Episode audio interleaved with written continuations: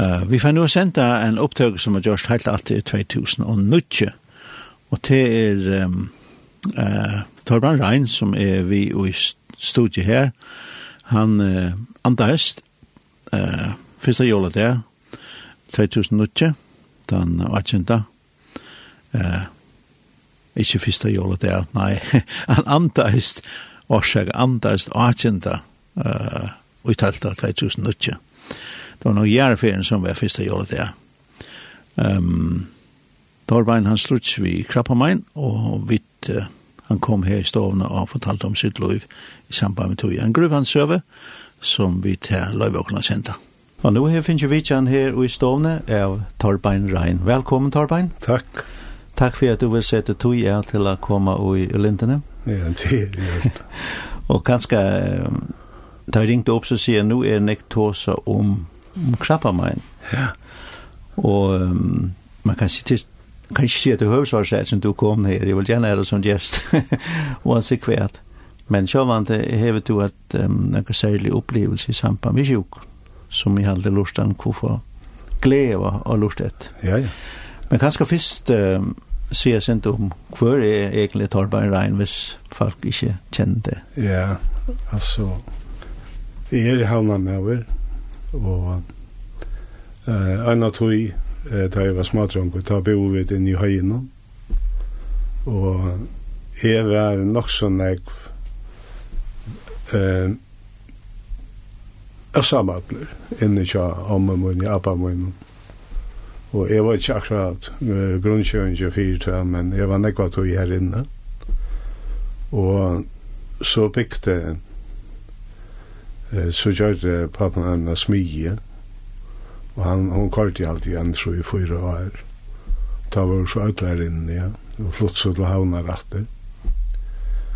Og ellers så, jeg først så lærer ikke av Anna Mikkelsen, her ble jeg så elektrikere, så får jeg ut av sikla, norsk og eh, frakkbaten, Og så var det vi trådlæreren, Max Heinason og Plantor. Og så attan at jeg anket i første trusjen. Da får jeg arbeid av landsjøgrusen med jeg bygda nødja.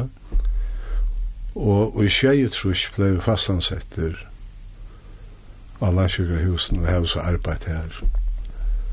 Kan man si, og i en mans allt gott och väl kanske. Gott och og Och finns vi i ötlen teknisk om tålen og sånt. Helt fra det. Det minns det till det stora skannar så vi gör. Så du er välkomna over alt som ganger för sig landsjukhusen. at den tekniska så inn Ja.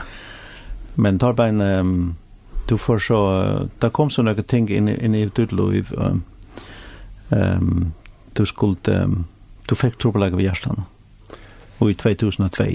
2002, ja. Jeg har jo grunden haft øyelegg av helse, og jeg var klar i hver var galt, da jeg begynte å få trobelekker. Og man håper bare alt det beste. Men jeg ble sendt nye, og her var så ikke å gjøre uten å gjøre bypass. Men problemet var til at jeg tørte ikke å lov meg ut etter. Så jeg måtte genka her i 15 dager og boja til jeg kunne få plass at jeg operere av. Og eh, jeg kunne ångastes fære, jeg kunne bare være her av dalten og gansjene. Og jeg vet ikke hva jeg brukte togene, at jeg brukte henne genka så fram med gansjene. Men eh, jeg ble så opereret av det. Og operasjonen var alltid kjekt nok fint, men at han er akkurst som ganger gale, tog jeg at eh, jeg har jo øyla nok blått trøst. Vanligvis er det ofte at det hakra under hundra, og om det ikke har finnet til opplysningene vi, det vet jeg ikke. Men tar det kanskje nok å gjøre med væske, og så skjer det til sust at jeg får vattna lungen. Og her ikke så øyla tronker og øssamatler og nætsrednær og kitsi ut i København. Og ta følte jeg med forlaten av, som jeg har sagt ångtøy, bæg av god og menneskene. Mm. Men uh, innanfor uh, et, et døgn eller tve døgn, da finner jeg så det av at her er også skjall. Jeg var så vattrøyvande, og så kom jeg fire med beina veien. Og kom jeg heim og hevde det godt. Og begynner jeg genka, genka alltid. Og så har jeg ringa rik, og så fikk jeg disko. Og det er nekka som ofta kunne teka lenga tog i å komme fyrir seg atter. Og så struttes vi vidt her, tog tabletter og rønde jeg kom opp av genga atter. Og det lukka jeg så eisen. Og så begynner jeg genga det som jeg pleier å gjøre ut i Hannadelle. Uh, Køyre ut her enn tverfner enn dagen Og så kommer det ive med meg eller minne at jeg må få lese bøyden. Det var en sånn ek du har gjort fra Montan. Nei. Nei. Nei. Altså, jeg løste jeg ofte etter godstjenest, så var det jo i utvarspen og salmer og sanger, donte meg vel, men nei, nei. Og etter sendte så at en av tog. Kjem ble vi å komme fire med. Men lukker som tankar eller? Ja, så det kjem bara, mitt som jeg gansje at jeg burde lise på uten. Så en dag enn jeg har vært her ute i gansje, så sier da vi vi går som til å komme hjem at jeg kan godt hoksa meg lise på uten. Så sier han igjen, vi har flere bøyblad, du kan spela lese. Ja. Og jeg begynte så å lese, og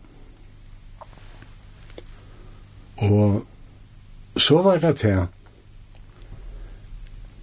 at hva skulle jeg nå si? Nå satt jeg og les Bibelen. Eh, og folk sa det til. Ja. Men så fann jeg jo det av bare veien. Jo, jeg skulle bare si sige til at jeg har lyset så utrolig enn jeg vannet. Bæg om tøvl og bøker og hva var det. Så nå skulle jeg lese Bibelen eisen. Og, men så ja, så sjån det er det brøyt da. Ja. Nå leser jeg bøyblene, for jeg leser bøyblene. Mm -hmm. Hva gjør det vitt det så er sånn knapplig å slå inn i bøyblene at du unger tog i egentlig, jeg finnes vi det fyr? Nei, det er altså, det er sin til, jeg gjør nok det som man ikke skal. Jeg begynte å lese eh första Moses bok och så läser ju alla biblarna. Ja, det är ju vanligt man blir så jäkta. ja. Och Det er nok ikke den rette maten. Nei, men det kan man jo ikke vite. På Nei, men jeg, jeg, jeg spurte jo omgang, og, Nei. og jeg helt at det var så... Men så fann jeg jo det av til at det var altså ikke den maten man kjørte. Så jeg hatt andre år på den han Men, men fikk du ikke, altså, man sier, at det var så tungt stoff at du sier, nei, nå gjørs det? Nei, jeg, jeg gavs det ikke. Men jeg får å lese arvesen, altså jeg får å pilka ting på sted ur og leserne. Mm -hmm. eh, evangelisterne og prøvene. Og, eh, og så, selv, så, så er det et minneskott eh, som i helt at det var øyle som god var srenker eh, i gamla testament. Ja. Eh, og Så jeg helt meg mest i Nudja Testamentet. Virka det reande på at det gamle testamentet? Jeg vet ikke, altså, det virka jeg nok så voldsomt på meg, ja. ja. Men, nei, men jeg fortsett så. Og det er ikke så alt annet på henne av maten. Og så kom jeg tilvilt, kom med at han halvt annet i en, en bøybibølg. Og ui hånden var en nok ui en fem år alltid. Og det var gjevande, tog jeg, jeg fikk uh, uh, leibeining og uh, helt anna forståelse for hva det var jeg les og det ble diskutera hva vi løs og hva vi og så at han at jeg jeg vet ikke så til man var en tru år siden. Da kjøpte jeg meg en norsk studiebøybel, og hun er vært meg utrolig hent. Hver jeg kan slå opp, og et lag, her stender av forklare. Men det vil si at du faktisk har haft en, en, hvis man bruker året hunker, eller en faktisk en langsle, eller lesa, altså avhaldende, alle tøyene, så gjerne du begynner på, på en eller annan måte må man si at jeg tror at er blir en vi. Ja. Altså, jeg leser jo i Bibeln kvann enaste det. Og, og uh, uh, jeg vet ikke hvordan sjåan det, altså. Jeg, jeg sitter i når jeg pæra stidler, og uh, nå er det så heldig at jeg kan sitte, pæra stidler, og og leta tankarna komme og færa.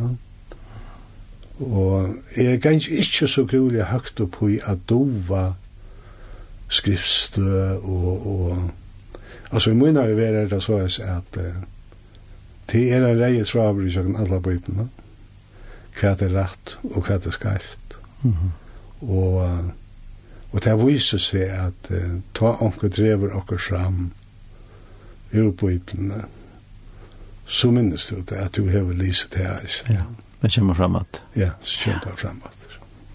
Du tar bare ungefär vujare. Du, du sier for meg, vi tok det etter tonelike uh, om vi börjar med sentensen, at du de som väl ingår där inne. Ja. Han er sånn känner, han er han är, han var hon en fantastisk kunstner.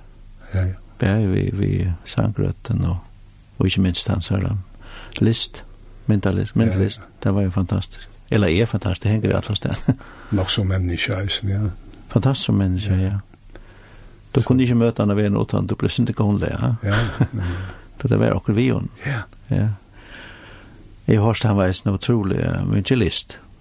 Særlig for ung folk og bøten, altså. Ja, det har vi hørt. Ja. Han kunne greie seg over som, som folk så, det minnast enn. Ja. Hvordan han gjør det. Ja. Gjør det livet, ja, dem. Jeg fann, vi fann et lær her som er Jesus nær, derfor har vi lurt etter, og vi får fortsette. Ja.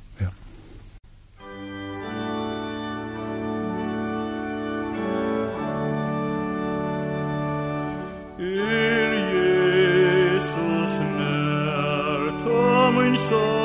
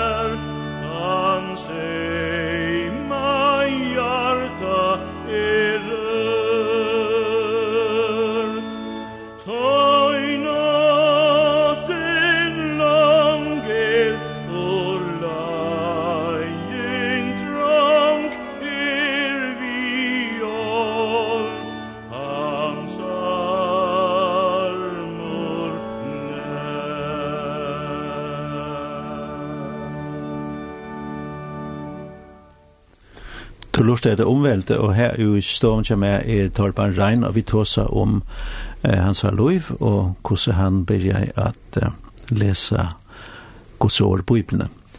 Du sier, Jan Torban, at um, det var nesten for ekvistligt eh, Gamle Testamentet, og begynner vi da du, da du får lese på Bibelen. Ja. Men til sjåvandet brøyt. Ja, ja, altså, som uh, tog inn i kringen, ja så virka det slett ikke på meg, og, og på den måten meira. Eh, hetta var ting som skulle til, altså, eh, jeg, jeg kunne bare, det, sjøen, jeg heia unger, og ikke heva det ui og ærene, og, og nå for samtidig da, halde jeg nek bedre, mm -hmm. det som, som var her jeg var nødt til å gjøre. Ja du har flere sagt at du, at du bruker nek tog på, på å genga ut naturen. Ja. Du og i havna der med landa. Ja. Og her har du, da vi tar sida fire ekan, så har du brukt et år om at uh, kanskje tåsa, eller bia, skrastriga bia, samskifta vi god. Det var en ega som byrja til en løyv at du knappt ble begynte at Eller så vi vi börja at samskifta vi god med en du Jack. Ja, det er, altså, det kan være, eh, ting som jeg har lyst i Bibelen, som ikke eh, kan håndtere ordentligt og finne en av løsene på. Og det kan være eh, jeg, jeg, jeg vet ikke hva det rette Sverige er. Og det er fire fyrkjøpen som møyen så at jeg kallet det for et hint. Mm -hmm. Altså, det er pjøst ikke å komme sammen til en i spy om det men uh, knappliga så så har vi svär. Ja. Och på det som eh är sportium. Ja. Och det kämpa. Och spyr mig alltså det mm. det är bra så. Føler du altså her samrøven du har god eller skråstrykka kommunikation at um, god eisen her stidselig rattla det eller justera det hvis man sier det? Altså, Alltså är det brötter. Det är ja. Det var det själva, men jag kan, jag kan inte säga att det är att att det är höjre godan. Alltså, jag kan inte säga att det är att det är högre till att han säger så så vinn, ja. Mm. Det är en förnämelse. Ja, det är mm. att eh det känner bara alltså det är som det säger pling i, i, mm -hmm. i det Jeg, føl, jeg føler det, at dette var det. Ja. ja. Og jeg kan godt gang og huske om noe helt annet. Ta så knappelig jeg, jeg finner en løsning. Og en trobeleika som som hever ver som jeg har spurt om var. Mm. -hmm. Ja. Så så at det er impuls eller plink hint eller hva du kallar det. Yeah du kjenner det at det, at det er han som kommer ut. Ja, ja, men altså, det er ikke, jeg kan ikke, og i mine er altså, er det herfra jeg får i, ja. jeg vet. Det er positive og oppbyggelige tanker, ja. og, og brøyd, ja. nærmere som brøyd det inn. Ja, ja. Så har hent, så løyve gonger kan man säga og, og, og, du er är inte bättre läsa Bibeln tog, du knappt blir fotla øtta, eller nå måste du stuva det av altså, og bruna det men men ditt liv brøyt og spekli, og så hender nega, nega nytt i ditt liv, som, som kanskje gjør den livsrøynt at det, for ikke så lenge siden, at du ble sjukker at. Ja, at, uh, altså, i, i, i 2006, ta er det jeg får i disko atter, da, og ta blir han så ringer at jeg, jeg kom seg ikke opp atter. Altså, man jeg, da prøver jeg klaks, vi bare sen jeg får med. Så det enda er vi at jeg skulle opereres. Og det var en, en helt annen känsla. Jeg får inn til till, till operasjonen. Jeg får uh, ble innlagt till en torsdag. Så tok det här blårönter og hva vet det, armar skal opereras. Så ble opereret och torsdag. Og frutja morgon, Arne døvra var i hjemme atter. Så det må man si at jeg gikk jo fint. Ja. Men det bare så. Ekspressfast. Ja, ja. Ja. Og, og så begynte jeg. Så tjekk jeg på henne. Vi tjekk på krukken og heien og krukken, så jeg stia meg til 8-4. Og mm. innan fjerne vike så tjekk jeg atter. Så ute i handen til det. Og, og det er jo så gikk jo fint, vi er ikke. Ja avførst. Ja. Men men som du säger så eller så får hellre ju fram så var det ja, ja. och och du en bibellästa att du får det gott och den ja. den dagliga färd där. Där. Det fortsätter så. Det är något som man säger det är bara en pasta du löv. Ja ja, det är alltså det är akkurat som att det det höjer till och och i mina liv i det. Och så sker det att i fjør hest. Eh, tra ble vi oppmerksomme på at jeg har en lydsindre av blåa og i erfaringene. Fruksblå. og jeg feita bare vekk vi at det er kanskje en hemorrhid eller også.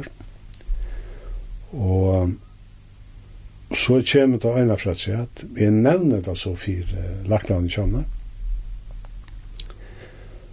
Og han sier så at uh, man heller kan det, ja.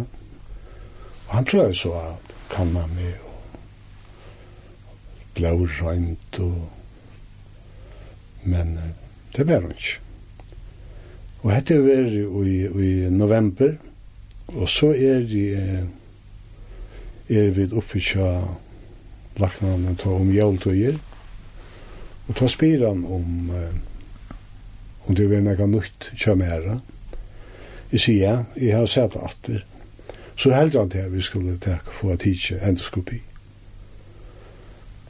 Og til boet vi, og jeg feir så endoskopi tog halvan februar cirka. En månad jeg minnes det. Og jeg er så øssamalder heima tog at uh,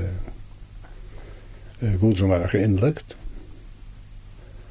Og Jeg kjer så, til forberedelsen skulle til, og så jeg skulle møte klant nært, tann måneden. Og jeg har så lyst i om alt om hva det kunne være, så falt det meg. Og det som det luktes mest av ødlom, det var eh, kronisk tjuktarspetens. Eh, jeg avskriva i på lykke apper og, og andre ting. Det kunne være eh, kreft og sjuktarmen, men jeg var ikke på, jeg tror ikke på det. Det er helt godt. Og så klokkan 11 om morgenen, jeg skal være her klokken 8, så er det akkurat det kommer i med knapplige. Og her er bare alt jeg gjør. Og det er å legge det i herrens hender. Og så gjerne har vi så sagt det, at her skal det bli litt og ikkje er smutstangte det jeg har sagt det vi omkring, at jeg har det bedre at jeg så tætje det atter atter, mm. men at det skal bli littjande og i herren samtidig. Ja. Og det var akkurat som at det ble en sånn frier, og jeg husker så ikke mer enn til jeg, jeg får så hjem her, Og jeg vet ikke hva det gjør. Det er kvarter, tror jeg det er langt funnet, og det er at at jeg har kanskje. Og det ble så tidlig avgjør om jeg skulle operere så langt dagen etter. Og det var altså Jeg var godt klar i, altså, jeg, jeg huksa i beina veien at Jeg visste han jo er så at det er ring, kalt ringkreft straler og kem og og stomi og tvei år og i, og i uh -huh. vitcher og så tepi jeg lukka vel og det nevnte jeg så lukka fyrir kurusjen men, uh, men jeg sier jeg godt klarer iver at vi kom ikke vujar utan jeg blir operera. Det kunne vi ikke. Og jeg ble så operera av dagen etter, og det er ikke funnet. Patologeren vi er her, og tar finke så skåret her vekk, og han kunde så nok konstatera til at det var færre i løffene av åttarsugjen at her må til å si at det, at det var færre ujar. Mm. Og det sier så til at så måtte du ikke hjem. Og det gikk så en måned så tenk man sette skanning man gjør så hørt eh, gos i støvan og i det ja. så kan du alltid vente til det at det til til sette til skanningen Og så får jeg i kemo, og det tjekka utrolig og godt, halte jeg sjálfur, altså. Eh, jeg har ikke særlig her tja ærin av av sånn her, og jeg tjekk hva det er, og kjørt i alt det som jeg vanligvis kjørt. Og så ganger uh, tøyen, og så snakkade jeg om en av fjellene at uh, onkra prøvene var i hakra leie, ble vi av i hakra leie. Og man færre sette skanne gatter. Og det færre så. Og her kom så beskjed at det var som det var da jeg byrja i. Det var så ikke nøyt. Så fortsetter jeg akkurat på samme måte. Så skjer Ein ta er komen i fyra en halva og också vart vi kem. ta begynner jeg på at sjunker. Og jeg helt at det var vegna kemo. At jeg makta er speklig, ja. Borster og det er nok det i øysene. Men ta er vestna er så bæra. Og så tok man i bøyla av lungene, så er lungapetens. Og her fikk jeg så behandling for lungabetennelse. Men jeg gikk ikke nok så langt vi er sånn her. Så vi det kommer ut i møte hva jeg skal byrja at enda vi kem. Men lungabetennelse ble vekk til suttja jeg av blårenten men jeg ble vi av være trang. Og til einaste fer halti er, er bli en klakker under mine uh, sjuke. Mm -hmm. Til vær, da jeg skulle snakka vi en lakna, og det er ikke hoksa tankan, men til vær at allar helst er er det finnes jo kreft i lungen. Og det kom jeg sint der etla veit, og jeg, jeg hei ikke huksa til jeg var i vitsjer fire krabbabein, mm -hmm. og få krabbabein. Nei. Men uh, jeg halte det jeg ikke, altså det jeg ikke rakt jeg langt, så hei jeg fått av meg, og, og så var det han som, som det var åren. Ja. Men uh, tar så så heva på og det och for för nyra få PET scanning till en skannar som hever bäj aktivitet och sätter skanning och jag för nyra mamma det ettermiddag, var alt att tuskvalt og tutsi det her, så fikk jeg beskjed på at jeg var ikke kreft. Mm.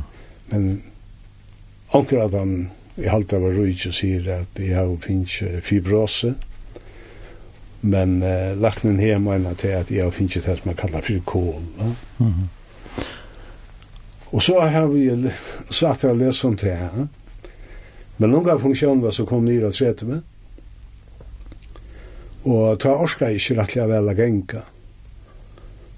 Og så fikk jeg uh, vitcher med tabletter. Og innanfor en vike kom jeg opp av 20-30 prosent. Og så gikk jeg 14 dager, så var jeg kom opp av 42. Og nå har vi at det skal gjenga trutja viker. Og, og jeg føler, altså nå er jeg kommet opp at jeg klarer å gjenga tverfnaren dag, gjenga trutja kilometer hver jeg fer, og jeg brekker ned her ute. Og jeg føler til at jeg er friere, tog, jeg kvile heltene av tog som jeg gjør i æren, og jeg kom nek her i fyren. Ta i stand til stidler og kvilen. Ja. Så det ganger fremme, og, og jeg trykker jo på at, at jeg får jo så mye at, at jeg skal fungere og, og klare. Du sier jo, Anne, at um, Arne, du får utlasse kanningene og samme det som du får vite, at du har krabba meg inn, så sier det her er bare eit å gjøre, jeg letter det her han sendt. Og, um, og her skal det litt, ja. Det vil si at um, vanlig når man får bo, så er det hukse i med at det er hvordan man får bo om man er alvorlig sjuk, at krabba meg inn, eller hva det kan være, så hender vanlig det at folk får ui en spesiell fase, det får fyrir en sjokk, og det får fyrir en forskjellige, erkjennelsesfase og så videre, og så videre. Men det er vi kjent ved det. Nei. Altså, jeg har hørt uh, andre folk, jeg har sett hushendelser om andre, og, og jeg, altså, jeg kunne finne vi, jeg sier på en av veien ved bøttene, de bæger som er hjemme, at uh, det er kreft som feiler meg, og Det er det vi har vært fire halvt og kom til. Det er å si at det skal være pura opp. Mm -hmm. eh, vi om det, og underforstår vi kikker en annan i egene, og, og så sier det og det har vært utrolig gav til å takla det. Og det er ikke eh, altså, jeg kan finne vi i ødlom teknisk som feilar mer.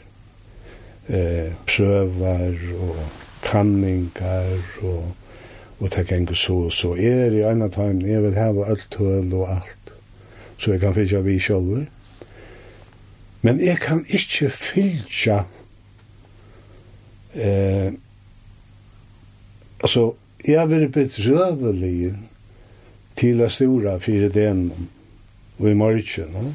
ja. og Det er ikke bare jeg pleier å si og grøyna til å si det, men altså, jeg kunne godt stora for det som skulle skje om min mamma. Så det var ikke altså bare morgen det. Nei. Og alt det, det er vekk, altså det er fullstendig er vekk, altså. Jeg har ikke kjellig av å svanke over. Jeg er ikke ofte vært sånn og nesten. Vi husker alt om eh, mine sjuk og kvæs kan henta og kvossi og hva hva det er og det er akkurat som at omkring lærte henne hore akter. Så jeg har en ganske på løyker av, av, av, av, av, av, av, Men jag vill säga en affär, du snackar jag, du säger en affär Jan, att du snackar om att god tid, vi görs också in i Highland så att det är försäkla också. Det är ju svårt i Örvesen att tog jag att eh själva det undrar mig isen, ja. Ja. Och helst tar jag har allt det teacher sorgenar och på förskott. Och bekymrar mig om allt möjligt. Mhm. Och så heter vi att det blir sjuker at uh, jeg har vi unga tropelag. Altså, jeg sier da vi en mann, en dag, som selv har haft krabba med han gynnsi til Australien. Jeg sier, jeg kan ikke færa sia til jeg at jeg ikke har det godt, da jeg har det godt. Mm -hmm. Jeg har det godt. Sjån til jeg har nekra bivirkningar som öll hever av kemo, hendur og føtter, etter ringast. Mm Men uh, jeg har det utrolig godt. Vi sier det vi god ut som nå, uh, nu er kveld og nå tar alt det, hentet kem og alt det er li og da.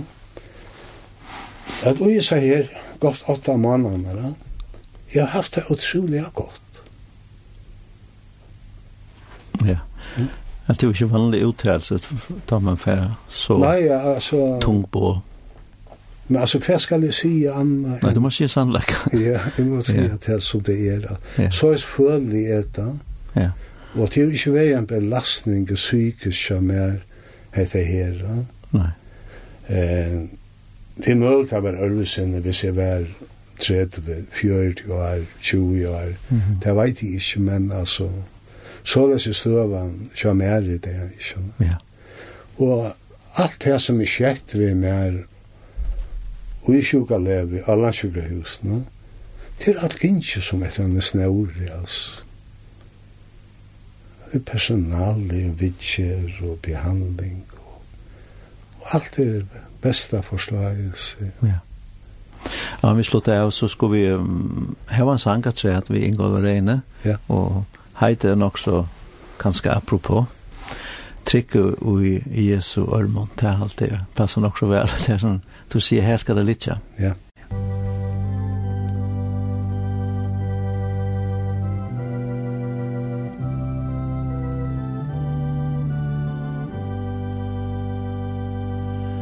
Tryggur Jesu mun, og vi anseima brød,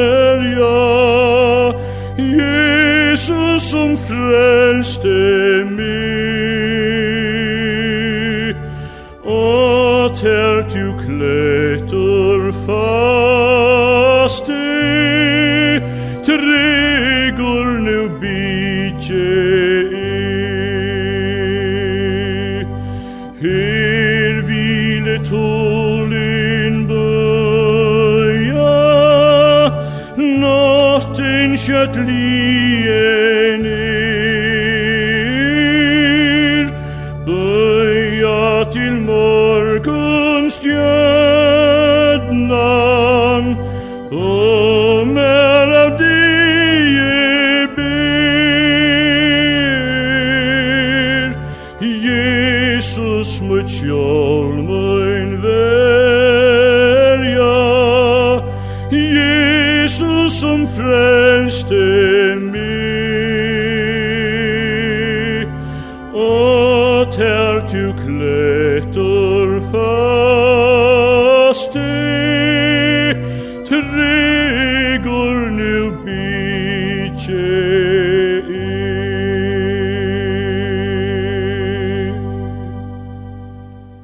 Ingolf Reine sang for Jakon Trygg og Jesu Ørman. Fantastisk rødt, Torbein. Ja, deilt. Det må man si, ja. ja.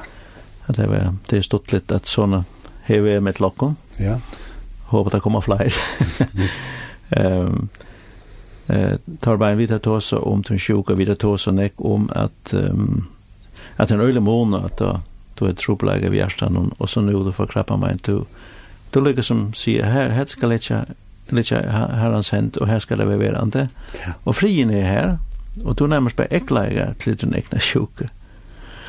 Og du, du har kanskje noe god råd til folk som bærer nastringar og viner, til folk som får krabba mein, og de som skjold sjuklinjen at han som får krabba mein. Ja, altså, altså jeg kan ikke innfyr åpenleika at uh, å få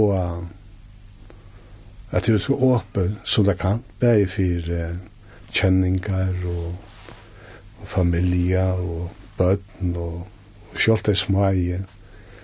Nå har vi tvei som er løy til Abba-bøtt. Det finnes jeg vi ikke å si her og da. Og eh, at alle er vi og gjesten her. Og tog det blir nek lattar. Det er så utrolig nek lattar. Og vi da snakket om det angst i at, at det er jo fyllt av utrolig av løyte med sjuka og jeg satt i inn heima. Og så er det et annet at eh, som jeg har rønt har sagt vi med sjåvan og det er ikke å tenke synd om meg sjåvan. Eh, det er ikke noe jeg kan bruke til noe som helst.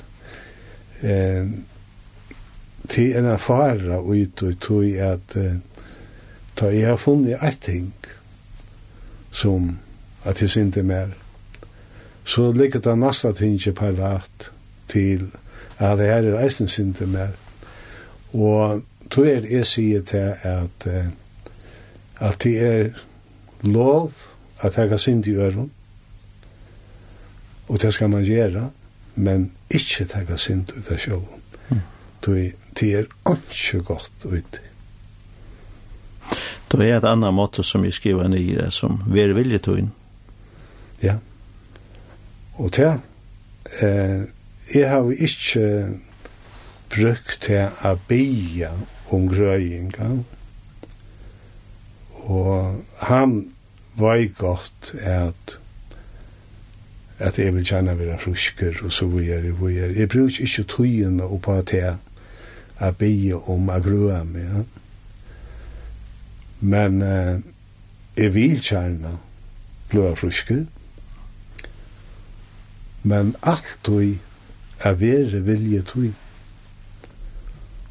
og det har jag funnit det av at det vil det være Og i munnen er det taplet, og sett seg opp i møte. hans er vilje vilja. Jeg kan ikke si at det er enklere enn det. Argentin til en Torbein, men hva helt du legger for fremman til det her? Det vet jeg ikke, men eh, jeg har uh, en artikkel på at at jeg klarer etter her også, at jeg får uh, lungene å fungere så mye at jeg kan gjøre alt vanligt. Ja. Utanför eh, slå gräspen, mala hus och gänga turar. Och om det så inte blev 100 procent, ja men eh, det betyder väl inte nekt om man blir Jeg har ikke ikke kål eller gjøre vei-arbeid, altså, det er begrenset. Eh, alt er relativt, da. Ja. Så hvis jeg kan klare meg, så er det utrolig godt. Og jeg er sikker på at det er klart. Mm -hmm. Den sørste spørningen som kan virke selvfølgelig øye leirende, men, men at støytgodsforhold er ikke vikna. Nei. Og i jøkken hentan kreppa, kan man säga. Som er i veren kreppa, hos finner jeg kun. Nei, nei, altså... Altså, det er nok så avvirkjelligt det som er skjedd, no? Og, og, men jeg bryr ikke helst sånn jeg tog om å finne ut av det. Du, hvordan skal du kunne finne det av du? Altså, jeg registrerer alt annet som fire ganger rundt om nummer. Samfellas vi skifter, kjer i alt, og kan, til tingene er dovi, og... Men uh, lykka det her, uh, hver er asten, stora, uh, han er ikke, han er vekk, han hefur ångat det vere. Som jeg sier, det er bare eina fyrir i alle satugina. Jeg ble lykka klakker, at det er blikk, det var ta, at det kanskje jeg finnes kreft og i, og i lunken, ja. Og ta var det akkurat som at men jeg kom beina veien mm -hmm. uh, datt jeg nere i det samme at den er frien som jeg har den daglige er det at du kjenner hans her nærvær. Du kjenner hans her vel. Ja, altså. Hintene som du pleier. Ja, ja, altså. Ja, vil si, ja. Altså, jeg kjenner av hele andan. Det tror jeg godt å si. Altså, kanskje fløy for henne, jeg og i kjøkkendegene. Og det er også nek ting som skjer i min liv i det som ikke har några eh, frakræðing på kvui til årnæse så og så. Mm. Men til, til årnæse bare. Ja. Og så er det også som eh, jeg, du er usulig et land, og jeg håper at jeg kan veksa, og jeg blir om jeg veksa. Det er så autol. Det er så utrolig autol. Og erfaringen som er, er at jeg må lære meg å bo. Mm -hmm. Ja. Hetta er kanskje det siste årene. Fi hese fer, tarbein. Ja. Og du har givet et godt utskøyte til det som er fremme nå. Eh, hvordan lever man vi krappa meg, og ka hender da man ferdig? Og hva er det under løyvet gjennom? Ja. Det är jo alt å si, som du er så vel har greit fra. Takk för Torbein. Og vi ja. fann att lære her vi Fanny Crosby, som All the way my savior leads me at det er eisen øyelig vel inn i støvn. Takk for i Torbein. Lykke med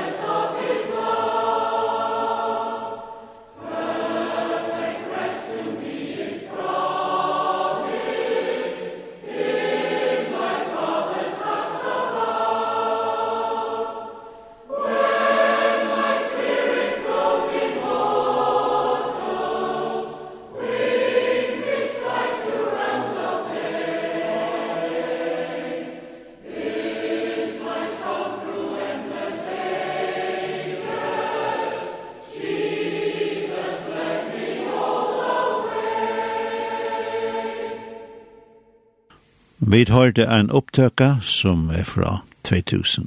Og nutje, det var Torban Rein som uh, grette fra uh, hvordan det var å ha krabba mein, og som sagt så uh, løye Torban Rein uh, den 18. og 12. 2000 nutje.